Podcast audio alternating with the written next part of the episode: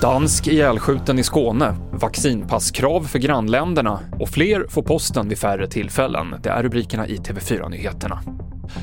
Ja, det var en 25-årig dansk medborgare som sköts till döds i Malmö igår. Det här uppger den danska tidningen Extrabladet. Fyra personer har blivit gripna misstänkta för inblandning. Det har varit flera skjutningar i Köpenhamn i december som kopplas till gängkonflikter.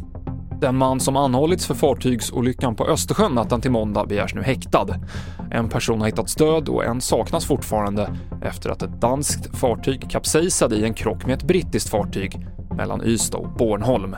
Och det är en ur besättningen på det brittiska fartyget som begärs häktad, misstänkt för grovt sjöfylleri, grov vårdslöshet i sjötrafik och grovt vållande till annans död. Från och med tisdag så kommer det krävas vaccinationsbevis även för resenärer från Norden. Vi hör Folkhälsomyndighetens generaldirektör Karin Tegmark Wisell. Så nu rekommenderas alltså alla som reser in i landet att testa sig, med undantag då från barn under sexårsåldern.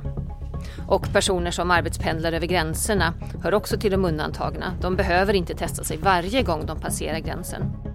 Och Folkhälsomyndigheten säger att vi kan vänta oss nya rekommendationer och nya scenarier för smittspridning nästa vecka. Lärare borde vara prioriterade när det gäller en tredje vaccindos och alla skolor bör göra riskbedömningar. Det vill Lärarnas riksförbund. Eftersom barn är ovaccinerade så finns det risk att de driver smittan. Det säger Åsa Fahlén, ordförande i Lärarnas riksförbund. Jag tycker att grupper som är så pass viktiga för att hålla undervisningen igång bör vara prioriterade efter sjukvårds och omsorgspersonal naturligtvis. Men jag tycker att det är viktigt. Vi har hela tiden sagt att ett framgångsrecept för Sverige har varit att vi har hållit skolorna igång. Men det har faktiskt delvis varit på lärarnas bekostnad.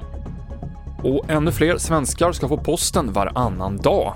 Det här gäller sedan en tid tillbaka i storstadsområdena, men från och med 31 januari kommer även du som har postnummer som börjar på 30 till 39, 52 till 61 och 63 till 73 att få varannan dags utdelning.